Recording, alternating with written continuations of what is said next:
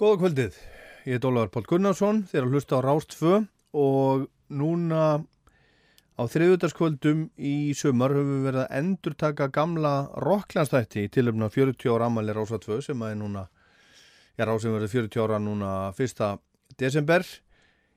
Í síðasta mánuði þá uh, vorum við að, að endurflytja þætti frá 90 eitthvað, fyrsti þátturinn fór í loftið í september 1995 en núna í ágúst þá er allsherjar upprifin hérna á e, áratögnum frá 2000 til 2010 og í ágúst á þriðutaskvöldum á þessum tíma allum við að endurflytja rocklandstætti frá þessum áratök og við byrjum ávonandi skemmtilegum þætti.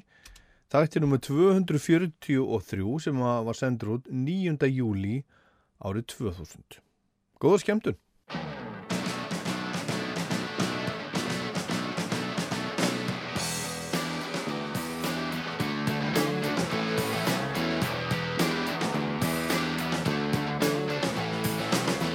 Komið sæl, ég heit Ólaður Pál Gunnarsson og þetta er þátturinn Rockland.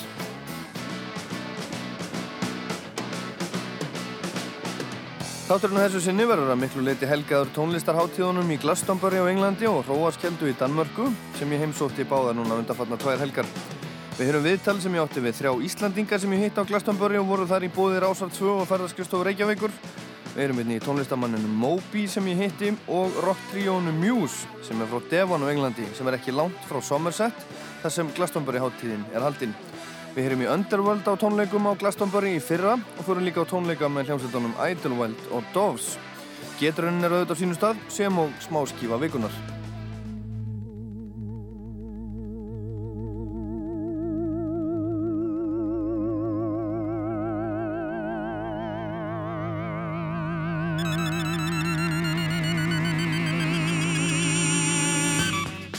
Já, þátturinn á þessu sinni og þeir næstu verða dáliti litaðar á tónlistarháttíðunum Glastonbury og Hróaskjeldu sem eru nýlega afstæðanar en ég skellti mér á báðar þessar háttíðir og hitti góðan slatta af tónlistamannum sem ég tók við og ætla mér að leiða ykkur að heyra í næstu þáttum eitthvað af því.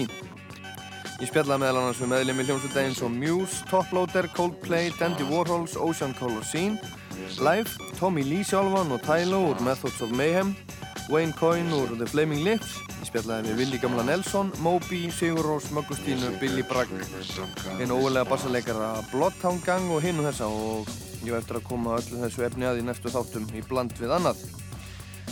Glastonbury fór fram í Somerset á Englandi fyrir hálfu mánuði og ég get ekki sagt annað en að hátíðin hafi farið fram með miklum glæsi bragg, slísalauðs og í góðu veðri að mestu leiti.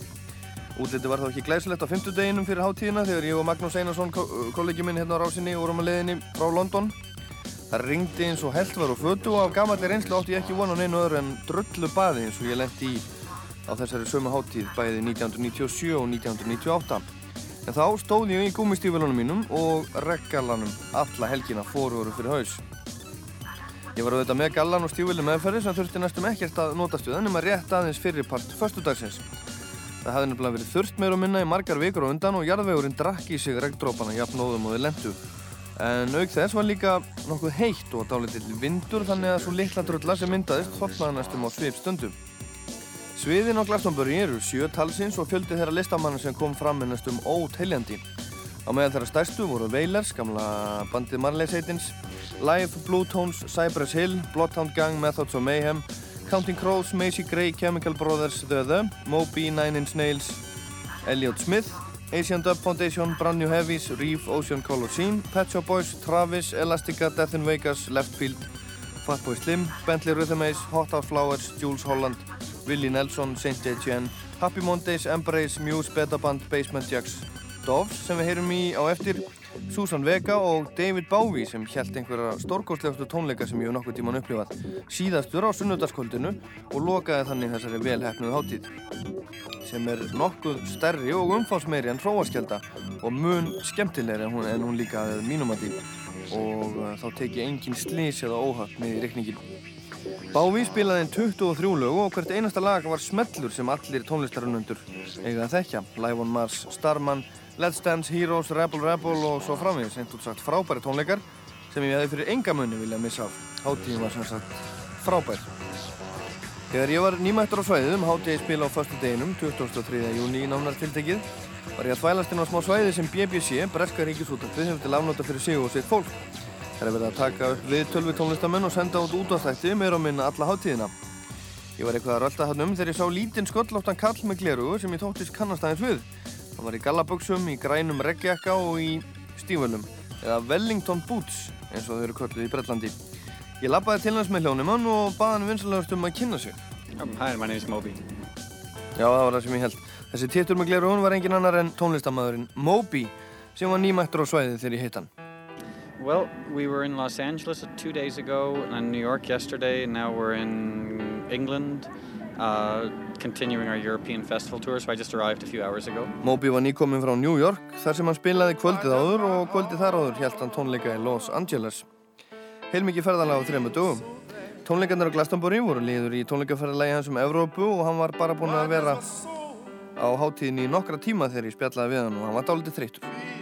I'm a little bit jet lagged, yeah. I mean, I've been on tour for about 16 months, so my body clock doesn't really know what time it is, ever, but that's okay. Já, hann sagðist vera dálítið þreyttur eftir flug og hann var búinn að vera á stöðugu ferðalagi í eitt og hálft ár næstu því og líkamsklukkan verið öll komin í klessu.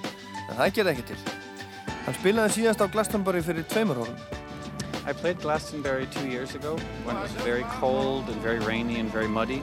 So this right now it's quite sunny, so this is a welcome change. Moby spilaði í rigningunni og dröllunni á Glastonbury 98 og sagði að góða veðri sem var þennan dag þegar við hittumst væri ánæguleg tilbreyting. I'm on the, what they call the other stage. There's like there's the main stage and then there's the second main stage, which is I guess a little bit smaller. So that's the stage that I'm on. I think the main stage is like 30,000 people and the second main stage is like 20,000 people, so I'm on the, the second main stage. Moby spilaði á næstu stærsta sviðinu sem er kallað Other Stage. Hann sagði að það væri annað aðalsviðið en samt örlítið minna heldur en aðalsviðið.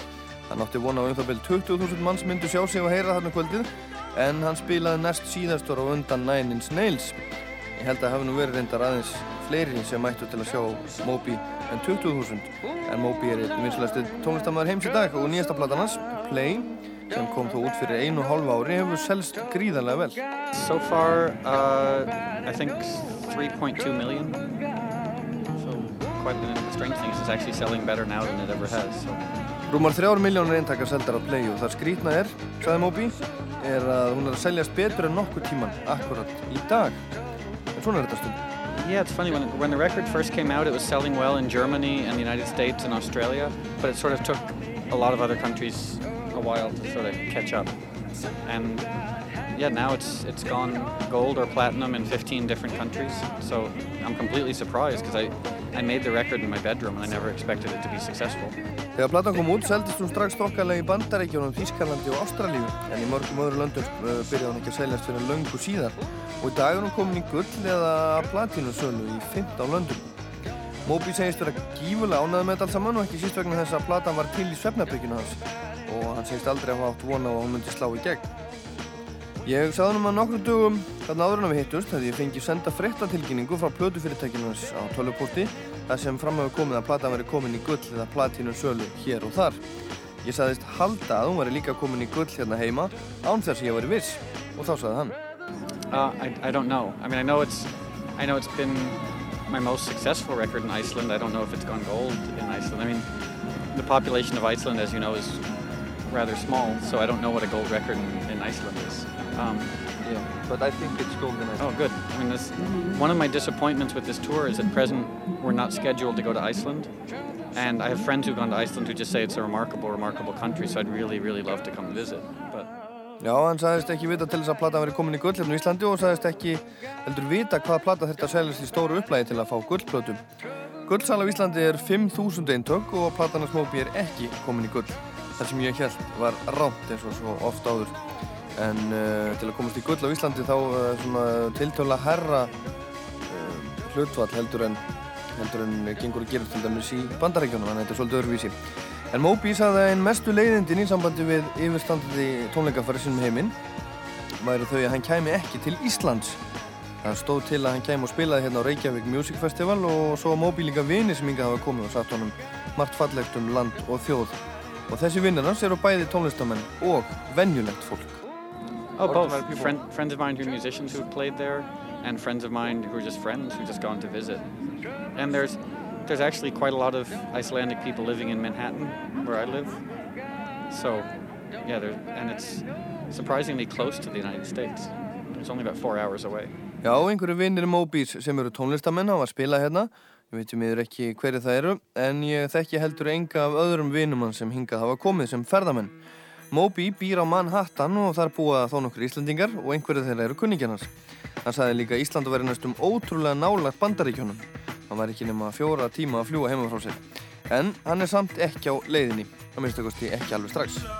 No, I'm- at present I'm not scheduled to go to Iceland, but I might try and change that just because it is a place that I really love to visit. Ég spurði hann hvort hann þekkti einhverja íslenska tónlist. Uh, the only Icelandic music I know is the obvious Sugar Cubes and Bjork and Gus Gus. They're, they're Icelandic, right? Yeah. So just the, more obvious stuff. Eina íslenska tónlisti sem ég þekki er auðvitað Sigurmólarnir og Björk og svo Guðskurs. Eða er Guðskurs ekki íslensk hljómsveit, sagði Moby.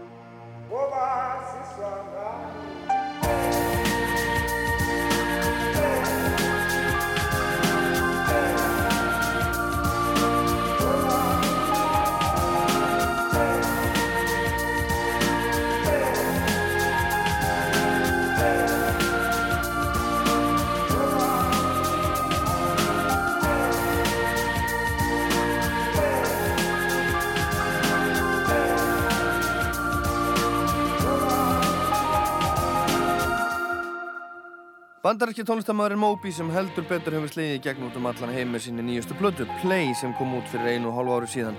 En byrjaði ekki að seljast almenlega fyrir núnum áramótin og hefur aldrei selst betur en nákvæmlega núna í dag. Þetta lag sem var endaði nýjasta smáskífa plötunar og heitir Porcelain eða Postulín. Þetta er merkilega plata hjá Moby sem var hægt að skrifa heila rétgerð um en ég ætla að sleppa því í þetta sinn. en ætla þó að minnast á það að Play er eina plata sögunar þar sem hvert einasta lag hefur verið kift afnótaf í einhvers konar auglýsingar í kvikmyndir eða eitthvað annað. Lögin af plötunni hljómar hennilega út um allt, allstaðar, út um allan heim. Og flest lögin hafa verið notuð á fleiri en einum stað. Síðastir frétti þá var Moby búin að gefa næstum 300 leifi fyrir notkun og lögunum á plötunni. Ótrúlegt, en satt. Áður en ég kvatti Moby og hann fór og talaði við næstu útvars eða sjónvastöð sagði honum auðvitað frá Æsland er eða flugleðum, sagði að það væri mjög sniðut að fljúa með þeim og bent honum á það möguleika að stoppa hérna í 1-2 daga næst þegar hann var á leiðinni frá Ameríku til Evrópu eða öfugt. Og hann sagðist alltaf aðtóa málið. Mjög viðkonulegu náingi, Moby I'm Keris and I sing with Catatonia from uh, based in South Wales. I'm Tim Burgess and uh, sing, singing. Peace and blessings, everybody. This is Erica Badu. I'm Edward Kowalczyk. I sing in the group live. He's Alex and I'm Will. Propeller Red. There you go. Matt Black. I'm Jonathan Moore. We're called Cut. Hi, this is Jay from Jamiroquai. I am Kirk, guitar. Hi, I'm Lars. I'm the lead singer, formerly known as drummer. Hi, I'm Paul Draper, singer and dancer. I'm Nick Cave. I'm uh, the lead singer of the band Bad Seeds. Hi, I'm Frank Beard from ZZ Top. This is Leonard Cohen. My name is Skin from Skankanessi. Rockland, langbesta land í heimi. Rást tvöstof fyrir hópferð á Glastonbury í samstæðum við ferðarskristofu Reykjavíkur en þeir Íslandingar sem nýttur sér þessa ferð voru reyndar ekki nema 12 eða þannig byrj. Þar á meðal voru þeir Einar Freyr Sigursson, 18 ára frá Keflavík og Gunnar sem er aðeins eldri og vinnur fyrir sér á sumurinn sem skálavörður í Þórsmörk og sem fjallaleiðsumar. En þeir Gunnar og Einar unnum ferð á Glastonbury í tónlistageturinni hérna í Rokklandi á Ráðstöð. Einar tók tvítu að sýstu sína sem heitir Svava Margreth með sér og öllum fannst þeim alveg frábært að fá að upplifa þetta stórkostlega fyrirbæri sem Glastonbury tónlistaráttíðin er. Gunnar er vanur útilegu prins og fannst lítið mál að búa í tjaldi. Ég bý í tjaldi á sömur. Einmitt. Alveg eiginlega allt sömari, svona fjóra mánuður ári. Já, þannig að þið finnst ekkert mál að vera í tjaldi hérna á Glastonbury? Nei, það er sko ekkert af því. En hvernig er þetta svona í samanburði við já, aðrar tjaldútilegu sem að þú eru farið í? Þetta er náttúrulega allt öðru vísi sko, það er ekki, það er, þó við séum með kvöldvökur á, á lögætarskvöldum í Þórsmörk, þá eru lögætarskvöldin aldrei eins og hérna. Þetta er alveg sko magna. Já, þú ert, þú ert ánægð með þetta? Já, já, já, alveg glimrandi sko. En þið? Jú, við erum mjög ánægð. Já. Það veðrið er nú svona líka, bara góða sól og býða allan tíma. Já, veðrið er alveg frábært. Það er ekki að taka hverta mikið undan Nei.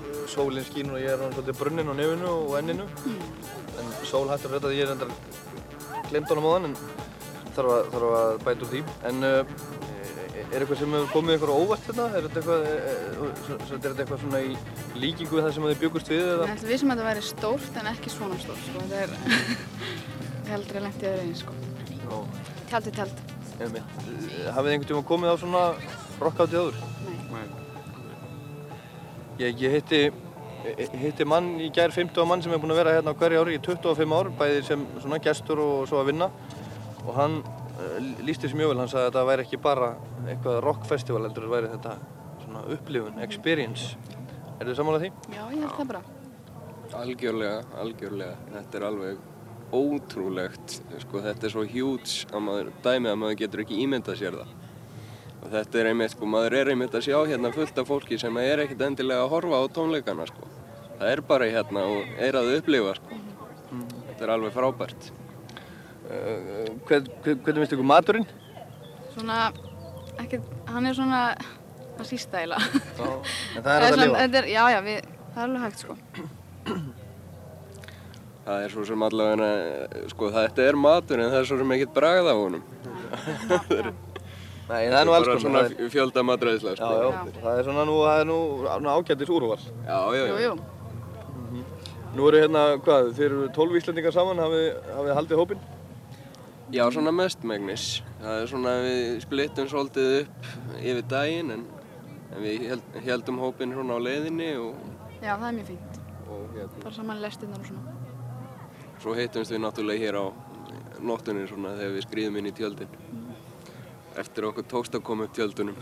Já, var erfitt að komast hingað? Það var svo sem ekkert svo erfitt að komast hingað en það var erfitt að finna sko nóg pláss til þess að setja niður einhver fjögur tjöld því að þetta er bara sko hérna tjaldað með sko 6 cm millibili og það er allt, það eru allstaðar tjöld. Einmitt. Uh, hvað eru þið svo búin að sjá af hljómsveitum? Já, við erum að sjá Travis og, sem voru alveg frábæri sko. Svo Semisonic og Wannadies og Nine Inch Nails og eitthvað svona. Og eitthvað svona ímyndist annað sko, bara svona hluta af tónleikum. Og, og hvað varst þér best? Mér aðeins Travis langt bestir. En Ég er alveg sammála því, Travis. Já, þeir Travis voru alveg frábæri. Svo var líka, ég var rosalega ánægður með Nine Inch Nails. Já. Þeir voru alveg eðal. Mm En uh, nú, er, nú er Travis ekkert sérstaklega þekkt hljómsveit heima. Þe þekktu hann eitthvað fyrir? Uh, já, uh, ádirskinn sko. Já. Alveg, sem er alveg frábær sko. Já. Þannig að þetta er aldrei þekkt sko heima. Já, en samt einhvern veginn ekki. Þeir eru ekki nærrið en þekktur og til og með sér. Þetta er bara hljómsveit ásins í Brellandi. Já, ég mitt. Já, já. En þú, þekktu þú eitthvað fyrir? Já, ég hafði heyrt af þeim bara svona eitthvað í þáttu, þætti sem heitir Rockland og eitthvað svoleiði sko. Já, já, já. Ég náttúrulega sá það hérna í, í eh, fyrra og er búinn að vera svona... Jú, jú, plataninn og hún hefur nú heyrt nokkuð... Já, já. Nokkur sinnum á Rárstöðu, almennt. Já, já, mitt. En uh, nú er þetta...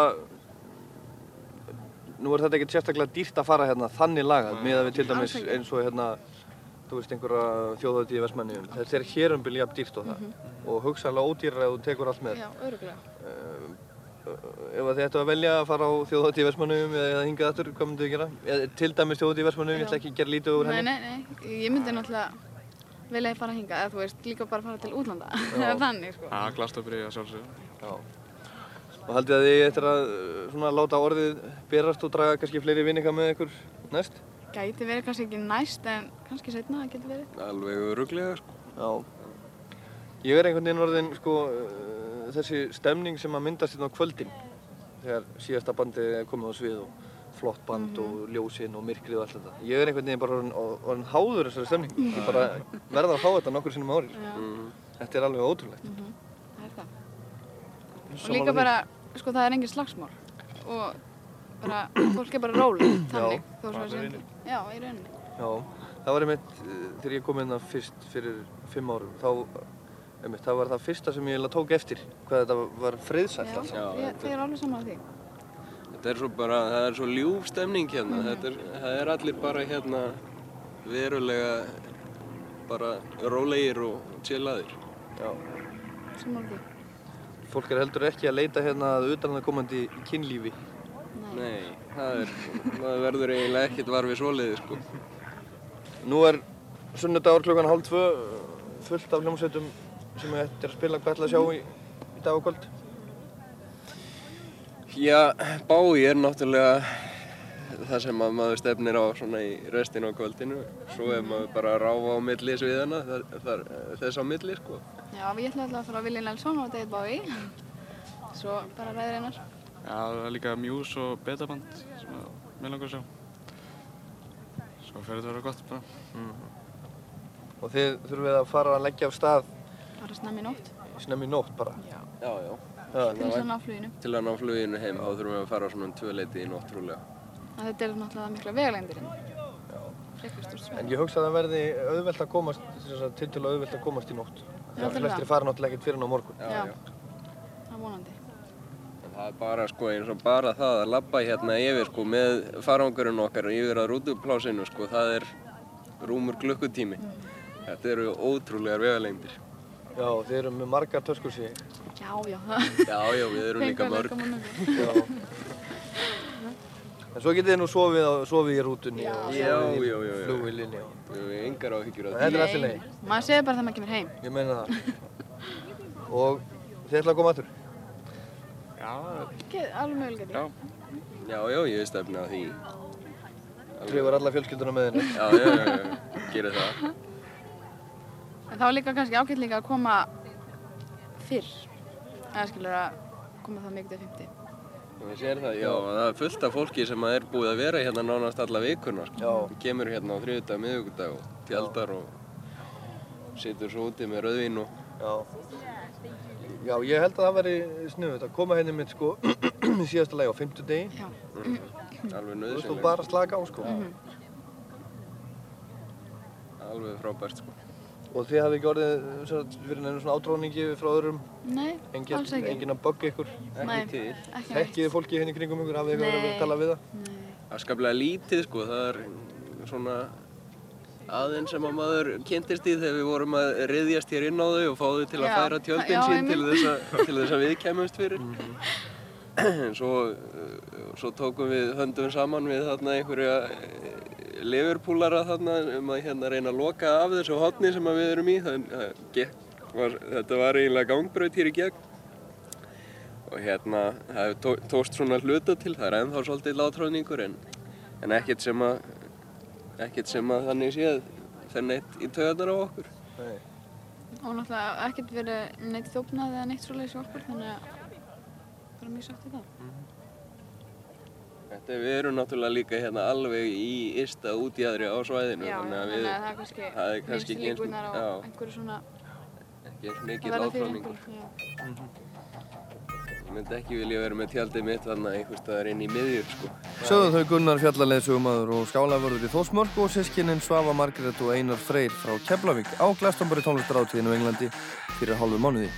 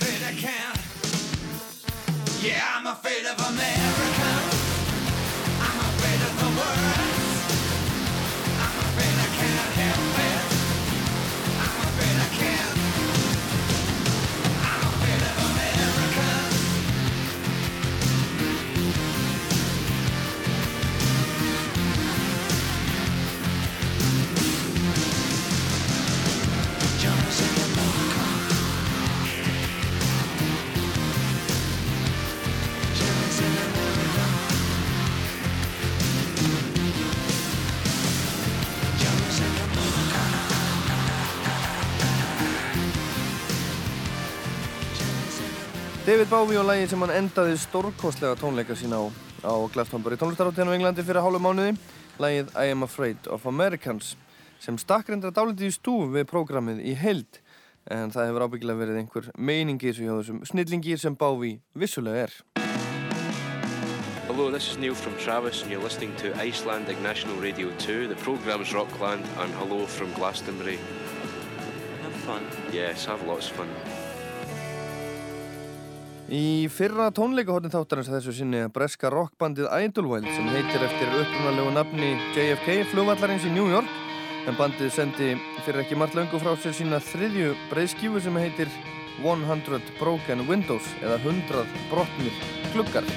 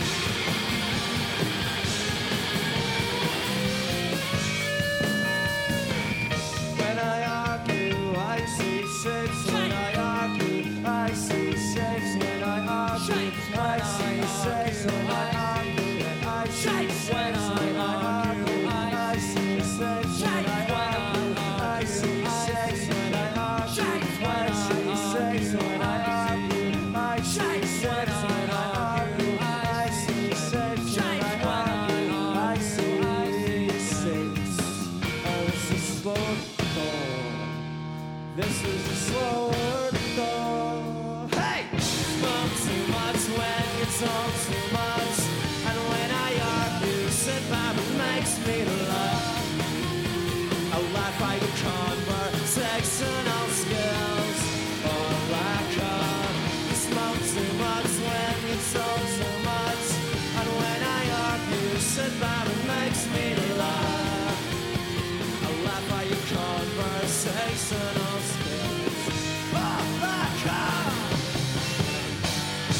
Hljómsveitin Idlewild live hjá BBC 4. april síðastliðin og lag sem heitir When I Argue I See Shapes og er ekki að finna á nýja plötinni 100 Broken Windows en næsta lag sem við heyrum er að venni.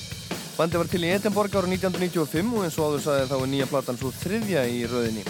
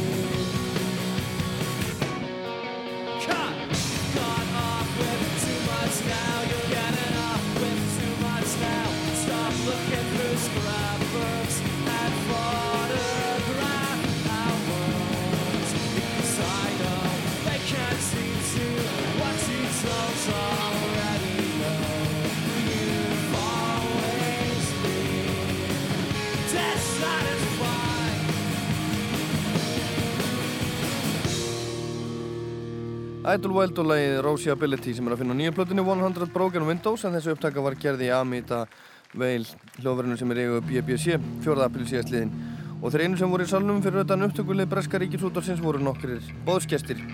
Söngveri Idlewild heitir Roddy Womble, trommarinn Colin Newton, bassaleikarin Bob Fairfull og gítarleikarin Rod Jones. Þetta lag heitir Safe and Sound.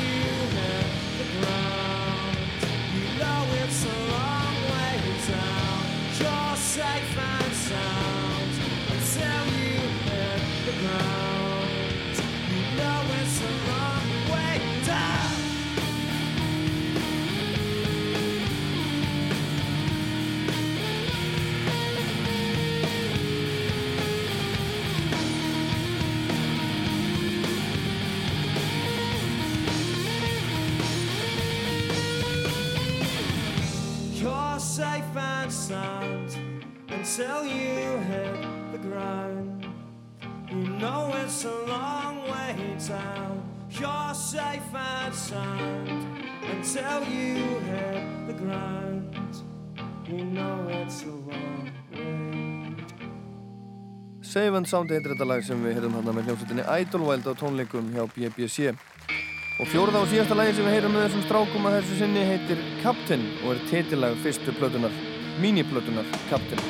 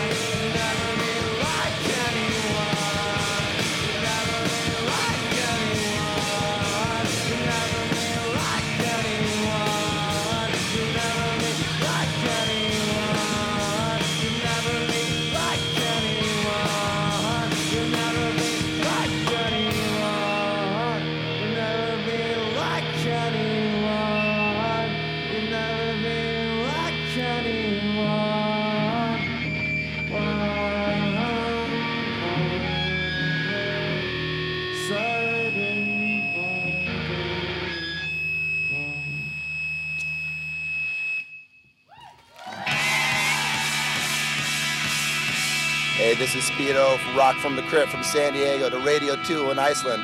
Rockland, over and out.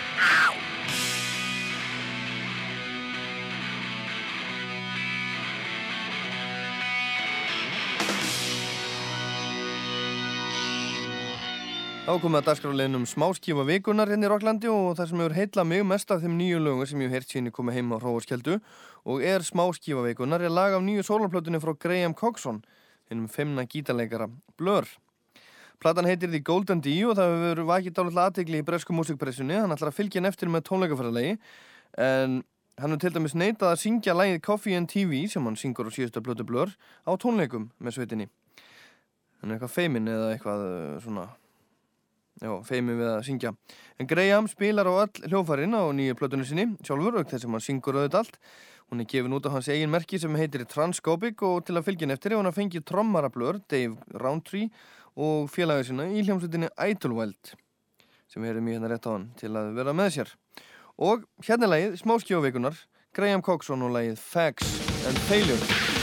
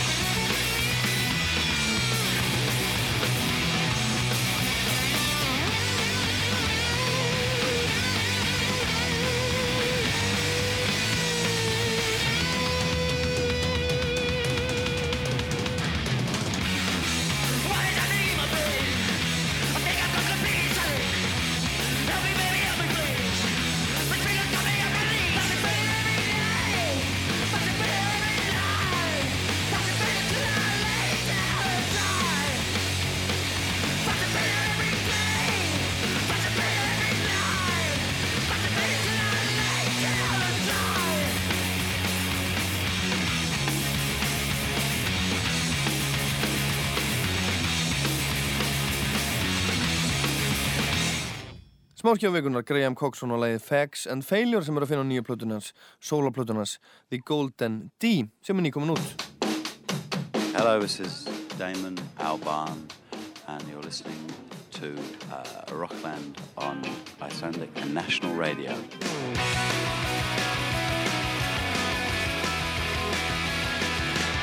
Rockland á Rástöðu. Þó svo þessi nokkuð langur tími liðin síðan fyrrum Take That pilturinn Robbie Williams sendi frá sér breyðskifu, líður varlas á dagur að ekki sé skrifað eitthvað um hann í bresku pressunni. Hann skrifaði á dögunum undir auglýsingasamning við Pepsi en öll hans laun fyrir auglýsingaherrferðina eiga að renna í nýjan góðgerðarsjóð sem heitir Give It Some. Ég veit því miður voða lítið um þennan sjóð, ekkert vel að Robbie hafi stopnað það sjálfur. En þetta er ekki allt því hann tók við ennbætti hins látna vinar síns, Ian Stjúri, sem er skonar velgerðar sendi herra barnahjálpar saminuð þjóðan á dögunum og svo er á leiðinni ný smáskífa frá Robby sem er forsmekkur þriðjubreiðskífunum hans sem á að koma út núna í lokárs skilst mér. Það er halva ótrúlegt að hugsa sér að þessi sérkjænlega námingi hafi einu sinni verið óþægtarangin í bóibandinu Take That og það má vel vera að margir séu búin að gleyma því. En Robby er svo sannlega ekki búin að gleyma því eins og heyrist í læginu sem ég ætla að spila fyrir ykkur núna. Lægið var tekið upp á tónleikum í Manchester, heimaborg Robbys í fyrra og ég er ekki vissum að höfundalagsins, gamli vinnur hans Gary Barlow, hafi séð þetta alveg svona fyrir sig þegar hann samtílægið. Gjör svo vel Robby.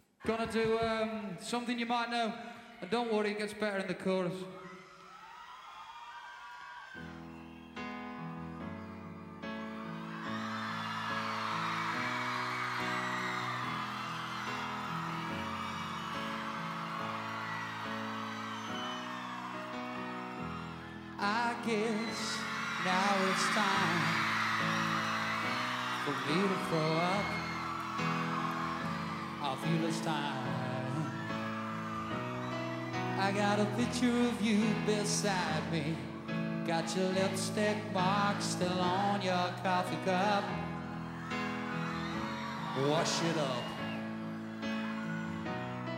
I got a fist of your emotion.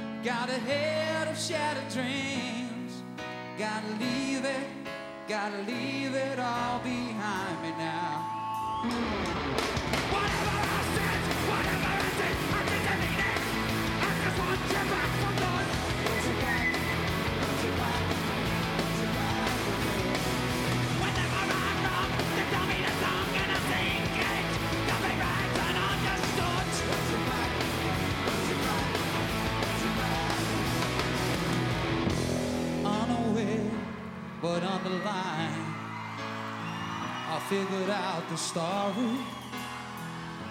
It wasn't good. And in a corner of my mind,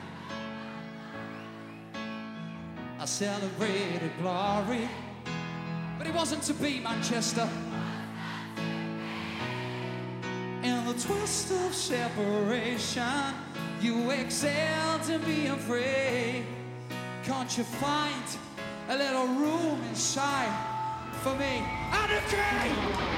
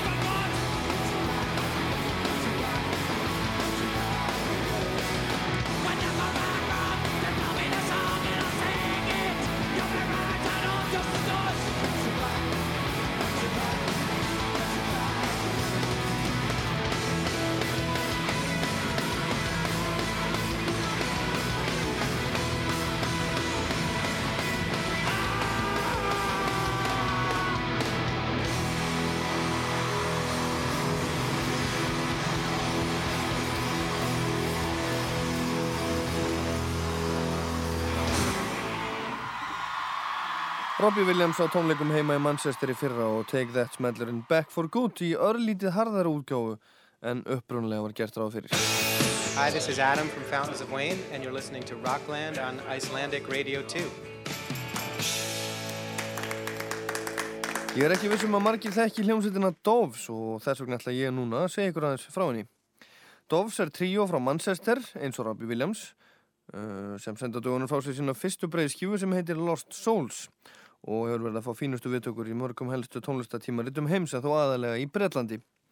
Doves er eins konar gítalhjómsett og gaf gamla skólanum og lögin einkennast af örlítið þunglindislegu yfirbræði og mikilli tilfinningu.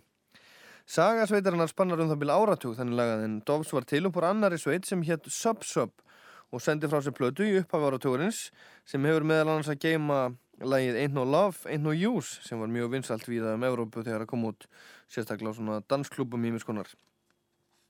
Það voru bræðunir Andy og Jazz Williams sem stopnuðu Sub Sub á sínu tíma á samt gamlum vinni sínum úr skóla náðungaða nafni Jimmy Goodwin. Fyrsta plata Sub Sub vakti mikla aðtegli eins og áður sæði og ekki bara fyrir velhefnaða tónlist heldur líka vegna þess að meðal gestaplötunni voru menn eins og sjálfur Tricky og Bernard Sumner úr New Order. Til að fylgja velgengninni fyrstu plötunum eftir var auðvitað farið að gera næstu plötum en um það leiti þegar upptökum var að ljúka brann stúdíóa þeirra og allar upptökuna með. Sub Sub spilaði hálgerða danstónlist en uh, Doves sem var til hálpartun upp úr brunarústum Sub Sub spilar ekki neina danstónlist eins og við fáum núna að heyra. Bandið heimsótti eitt af hljóðverum BBC 4. apríl síðastliðin og tóku upp þar sem þeir kalla þar á bæ Live Session. Fyrsta lagi sem við heyrum með Doves í dag heitir New York og er ekki að finna á nýju plötunni, fyrstu plötur Doves sem heitir Lost Souls, eins og ég sagði.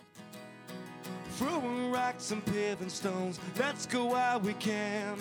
Put your finger on the map, who cares where it lands, cause we're all better off in New York.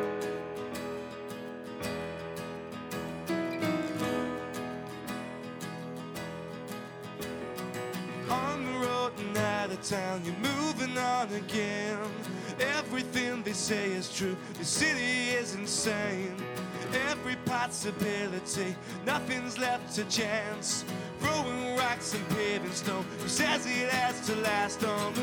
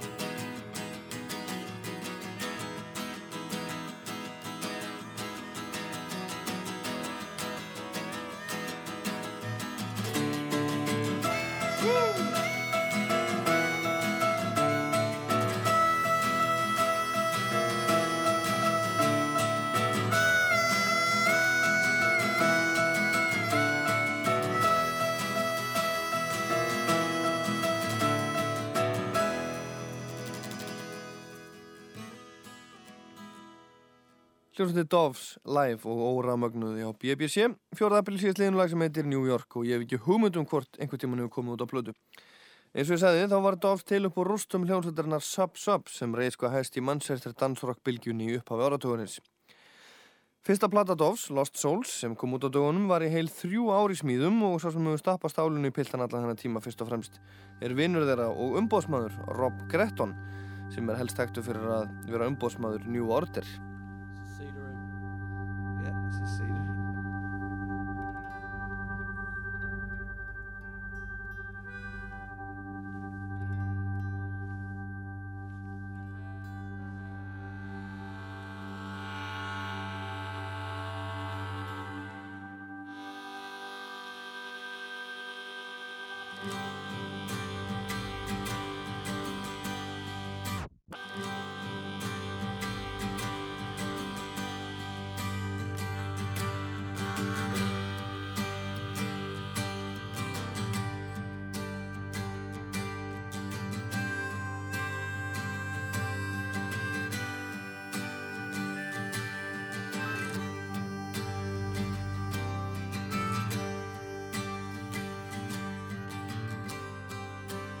Stars leave the morning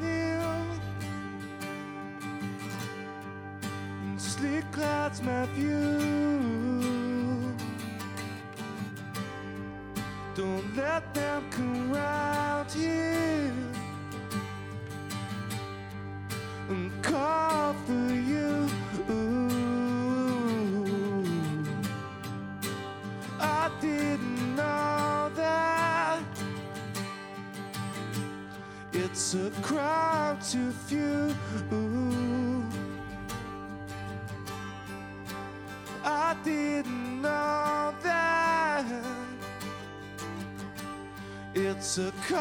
call to you.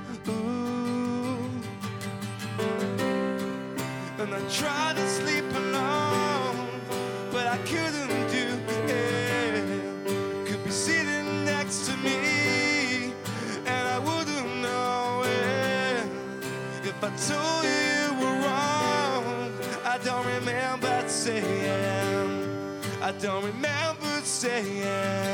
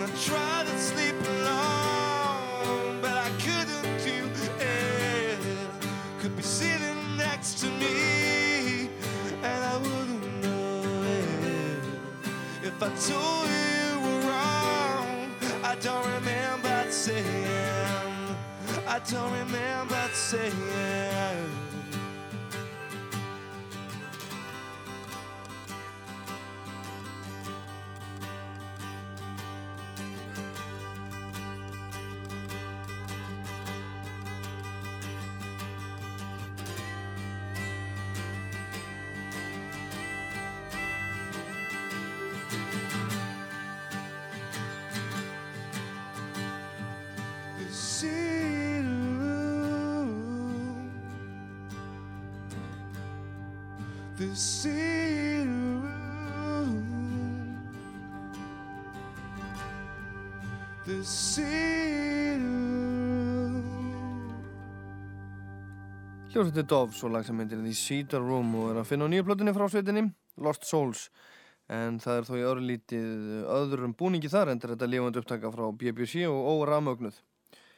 Ég myndist á hann á umbóðsmann þeirra pilta, Rob Gretton, sem var líka umbóðsmaður New Order um margra ára skeið. En Gretton var ekki bara umbóðsmaður þeirra, heldur voru þeir líka samningsbundnir plötufyrirtækina sem voru búin að verða síðan þeir héttu Sub Sub. En Gretton kallinn tók upp á því að deyja í fyrra og skildi þá auðvitað eftir samningslösa. Dauði vinna þeirra fekk auðvitað á þá en þeir dó ekki ráðulegsir og gerðu fljótlega samning við Heavenly plötufyrirtækið sem gaf plötuna þeirra út. En þriðja og síðasta lægin sem við heyrum með þeim heitir A House og er lokalega plötunar fínt lag og það eru miklar vonir bundnar við þetta band. Það minnir svolítið á Bruce Springsteen. Was a day like this and my house burned down.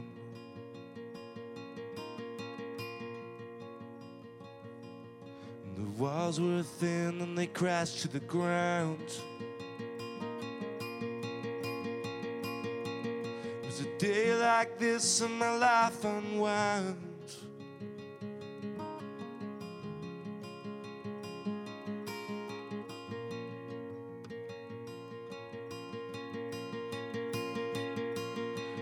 Struck me a line and that's okay now.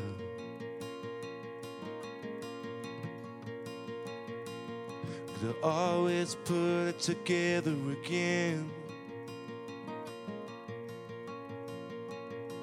You could have told me a lie and a lie so thin, so thin, and everything's clear.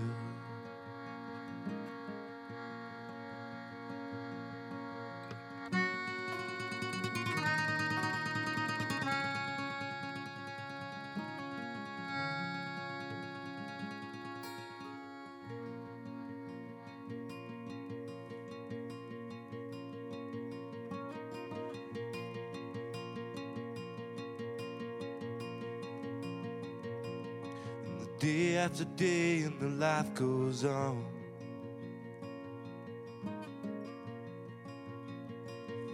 And I try to see the good in everyone. If I ever find myself here again.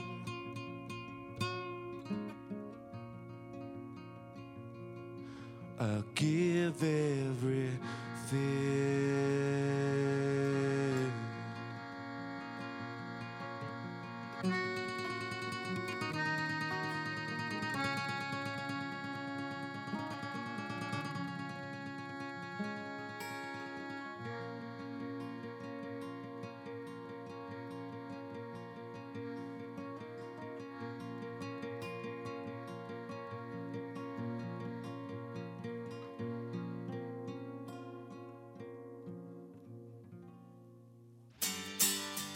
Hi, this is Steve Earle, and you're listening to Rockland on Icelandic Radio 2.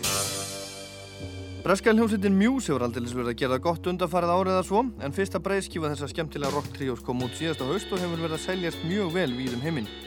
Platan var þó ekki fáanlega hérna á Íslandi fyrir en seint síðasta haust en þeir sem flytja inn plötur hér á landi sá ekki ástæða til að flytja hann inn þegar hún kom út og hafður reyndar ekki hugmyndu hvaða band þetta var þegar ég byrjaði að spyrja um þá. Þó nokkur eftir að platan þeirra sem heitir Showbiz kom út en það er nú önnu saga. Muse skipað þeirri Dominic Howard, trommari, söngverinn, gítarleikarin, hljómsveitastjórun og stundum hljómbósleikarin heitir Matthew Bellamy og Chris Wolstenholm spilar á bassa og syngur bakarættir. Muse spilaði á morgum stærstu tónlistarháttíðunum í Evrópu síðasta sumar. Ég sá það til að mynda á Redding í ágústlokk þar sem er spiluði fyrir 150 manns eða svo í sama tjaldi og botleði spilaði til dæmis bara daginn áður á sama tíma. Síðasta haust fór Muse í tónleikaferðum Evrópu sem uppbyttur nú númeri með böndum eins og Pavement og Red Hot Chili Peppers til dæmis. Muse var strax báð fræð og framma þegar bandi fór að veikja aðtekli síðasta sumar og nú hefur það ræst. Þeir eru bókaðar á næstum allar helstu tónlistarháttíðir Evrópu í sumar og spiluðu til að mynda á bæði Glastonbury og Hróaskjöldur núna dögunum. Það er gaman að geta þess að þeir hituðu upp þannig lagað fyrir Sigurós á Hróaskjöldu síðasta sunnudag. Spiluðu á undan Sigurós í kvítatjaldinu svo kallaða. Hello, my name is Matthew.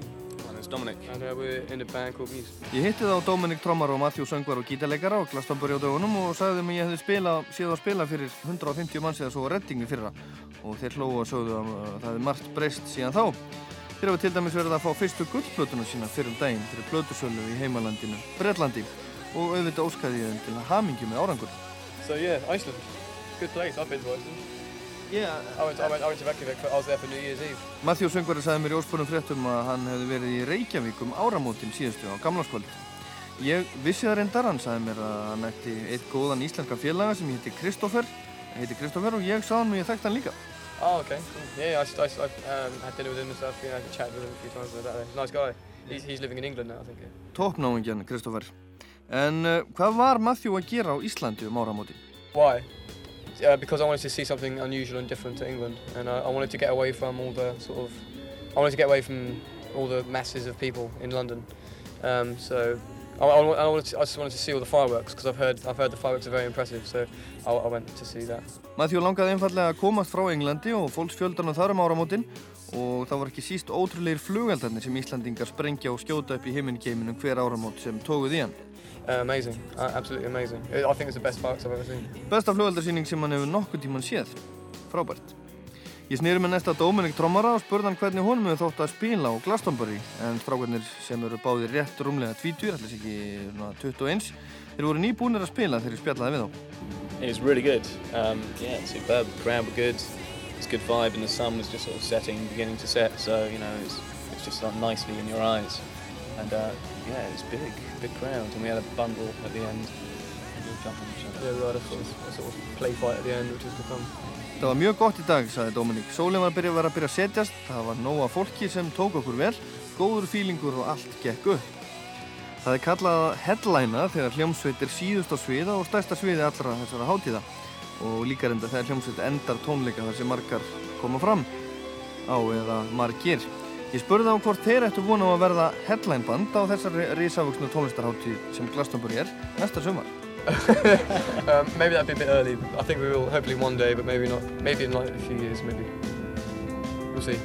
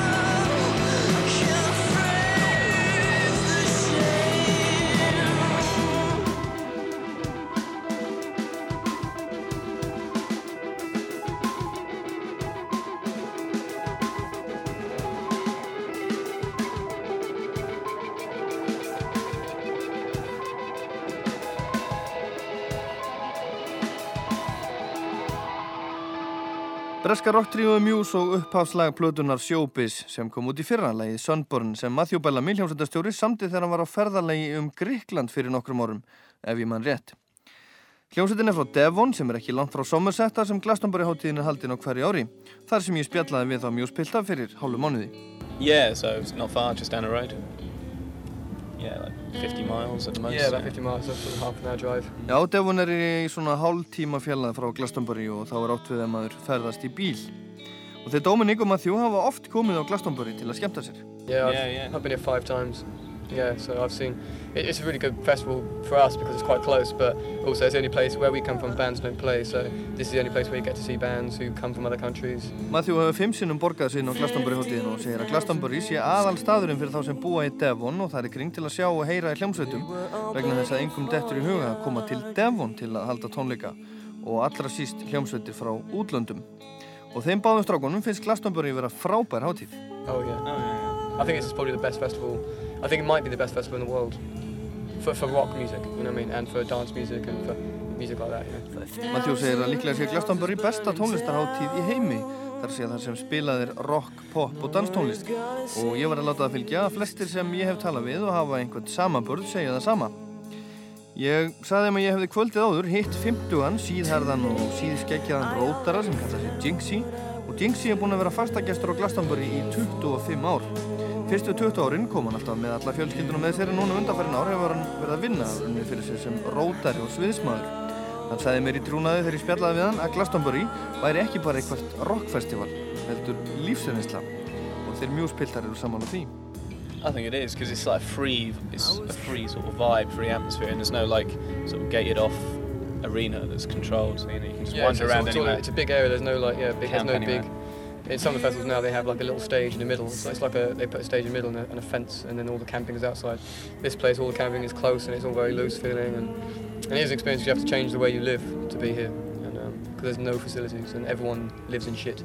So it's like apart from us, because we're inside a bus. But, but I've, I've been five times before, and uh, yeah. Já, þeir Dominic og Matthew segjast vera sammála því að Glastonbury sé lífsreynsla og ólík öllum öðrum tónlistarháttíðum sem þeir hafa upplifað. Venjulega er hátíðasvæði til dæmis þannig að tónleikasvæði sjálf er afgirt frá tjaldsvæðunum en þannig er það ekki á Glastonbury. Allt svæðið er opið og stemningin er ótrúleg. Þeir segja andrúrslofti sé frjálsara en á öllum öðrum hátíðum og allir sem mætað þurfi að skipta alveg um gýr og lifa öðruvísi lífi en þeir eru vanir. Fyrir utan þá sem er að spila þetta, þeir mæta bara í rútonum sínum og hafa það hugulegt. En Matthew bætti við að hann væri búinn að vera hinum megin við kyrðinguna fimm sinnum, meðal annars í dröllunni árin 97 og 8. Yeah, yeah, both years. both of those, yeah. Terrible. The first one was fun. The first one was fun. The first one I was rolling around naked, like covered in mud. Yeah, You? yeah, yeah, yeah. Well, semi-naked. I didn't, I didn't have my willy out.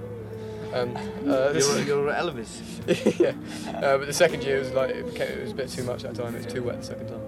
It was just dredging. Þeir Dominic trommari Muse og Matthew söngvar og gítarleikari voru á Glastonbury bæði 97 og 98 þegar ringdi hvað mest og drullan umlugti allt og alla. Matthew segir að 97 hafa verið allt í lagi, þá hafa hann meðal annars skemmt sér við að hlaupa hálf nakinum og velta sér upp á drullunni, en hún hafi þótt þetta nóg komið árið eftir.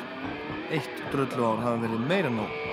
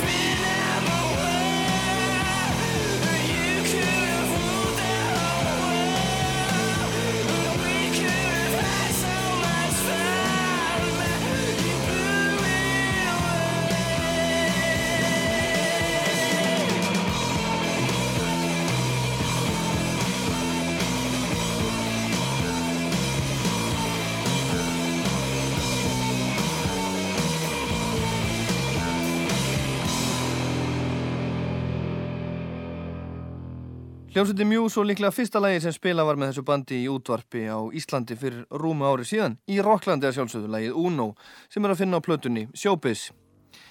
Frá Glastonbury þar sem ég heiti þá Dominic Trommara og Matthew Söngvar á gítalegara var förinni heiti til Fraklands. Well, um, we're going to France to do some festivals around France and Sweden, Switzerland. Um, we're generally doing loads of festivals all over the summer, doing like 45 festivals. So, so we're busy for the whole summer. Já, förinni var heitið til Fraklands, Þískalands, Sviss og Danmerkur þar sem Muse spilaði mitt á Róaskjaldum síðustu helgi en alls eru hátíðirnar sem Muse spilar á í sömar um það byrjum 45, hugsið ykkur, nóg að gera hjá þessum strákum.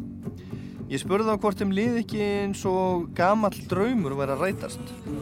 Uh, yeah, well, yeah, of course, yeah. So, uh, getting the chance to play music is, is, is um, I think, is a you know, great thing, great thing. Jú, þetta, er eins og draumur sem rætist. En það besta er að fá að spila, segja. Ég spurði þá næst hvernig veruleikin væri í samanbörði við drauminn. I think, I think if you truly love the music you make, and if you like the band you're in, then it is better than the dream. But if um, if you don't like the music, then it can be hell. But you know, we're, we're, we're sort of really enjoying it, and I think it's important to concentrate on, on making music and not not worry about everything else because it's everything else that makes it hard. Ef þú fíla músíkina sem þú varst að spila og strákana sem eru með þér í bandinu er veruleikin betri en draumur. En ef staðan er ekki þannig getur draumurinn breyst í martröð. Matthew segir að allt sé í besta lægi á þeim strákonum og aðalatriði sé að einblýna á aðal atriðið sjálfsögðu, tónlistina sjálfa og veri ekki að hafa áhyggjur af neina öðru. Þegar ég heyrði fyrst í Muse og las um þá í tónlistapressunni var það næstum alltaf líkt við hljómsveitina Radiohead. Menn eru að mestu leiti hætti því í dag, segir Matthew. Not very often anymore. No, it's, it's more quiet now. I think um, no, not really. En hvað er næst á dagskrá hjá Muse? Festivals, like I said, and then towards the end of the year we go to, we like tour Australia and Japan, which would be nice, October, and then think about doing the album in November. Fyrst er að klára tónlistarháttíðarúndin um Evrópu í sumar og það sem svo tekur við er tónleikaferðin Japan og Ástralíu áður en hafist að handa við nýja plötu í november. Uh, we're going to do some demos in September, and then we'll start we'll, we'll start recording them properly in November and December. Þeir ætla að byrja á demóm í september og svo er það platan sjálf í november og desember. Góð lög. Oh yeah, best, best songs. og Muse ætlar að verða virkilega stórt og þekkt band. I think maybe in time we'll be big for a little bit and then we'll be small again. Já, í fyllingum tímans verðum við stórir og frægir en svo verðum við litlir aftur, segir Matthew. En hvers vegna sér hann þetta svona fyrir sér? Uh, I don't know, talking, yeah, being, being big I can imagine is, is fun for a while, but then, then I'm sure it's nice to go and make some other interesting, different music maybe. Það er ábyggilega gaman að vera frægur en svo þegar maður er búinn að vera það í dálítinn tíma er ábyggilega gaman að snúa sér að annars konar áhugaverðir tónlist, segir Matthew. Ég hef gaman að því að spyrja tónlistamenn sem ég hitti hvað er að við hlusta þá þegar þeir voru 15 ára og auðvitað spurði ég þá Muse pilt að því. 15?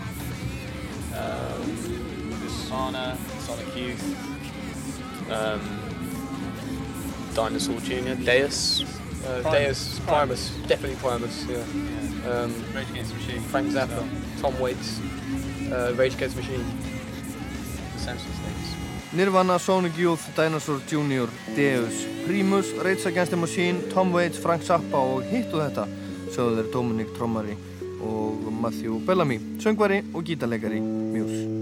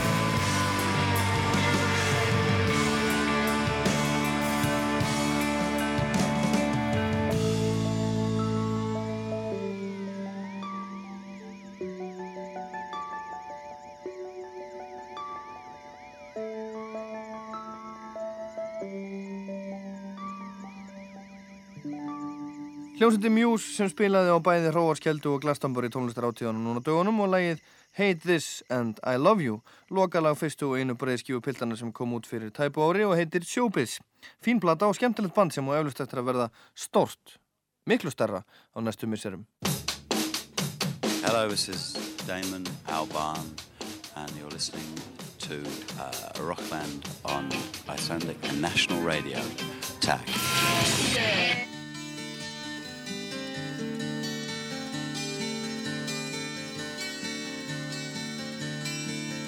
All my bags are packed, I'm ready to go. I'm standing here outside your door. I hate to wake you up to say goodbye. But the dawn is breaking, it's early morn. The taxi's waiting, he's blown his horn. Already I'm so lonesome I could die. So kiss me and smile for me. Tell me that you'll wait for me. Hold me like you'll never let me go. Cause I'm leaving on a jet plane. Don't know when I'm. Já, svona hljómaði geturunarlægið í þættinu síðast og ég spurði hvaða lag er þetta, hver syngur og hvaða íslenska hljómsveit gaf þetta út á íslensku fyrir mörgum árum síðan. Fekk nú ekki svakalega mörg svörfið þessu, ég held ég fengi nú mun fleiri. En hér dregi út eitt, John Denver með lægið Lífin on a Jet Plane og það var Ríó Tríóði sem söngat á íslensku alveg hár rétt. Þetta skrifar og sendir Haugur Tryggvason, Háagerði 3 600 Akureyri. Og Haugur, þú ert búinn að vinna þér inn Þannig að fína Rocklandsból frá Brósbólum og nýju plötuna frá Richard Ashcroft. Fyrir söngur af Vörf Alone with Everybody og þetta sendi ég þér eins fljótt og ég get. Og þá er komið að geturun þessan áttar, hlusti vel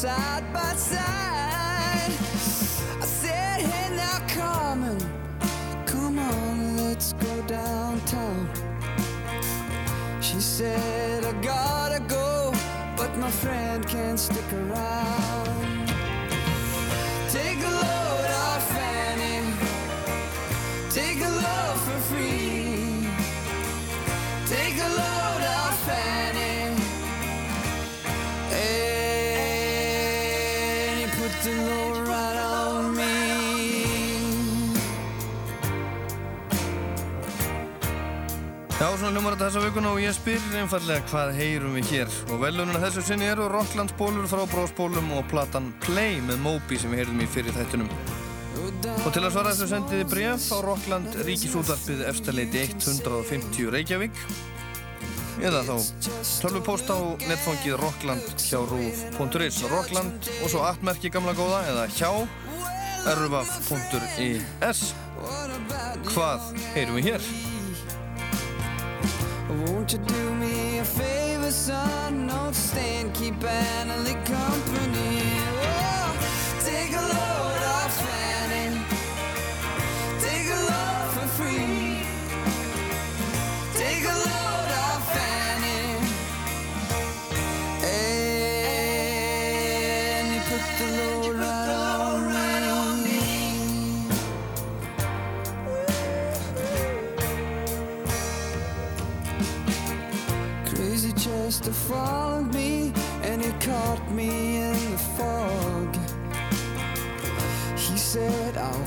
Your rack if you take Jack, my dog.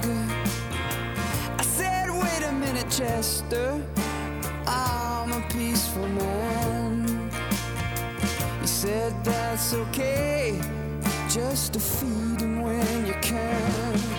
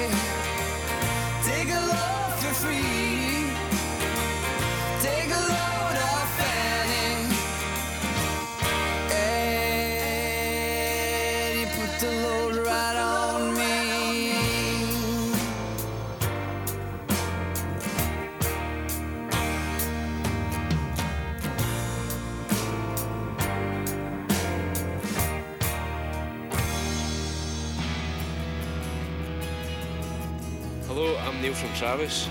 Hello Iceland, I'm Andy from Travis.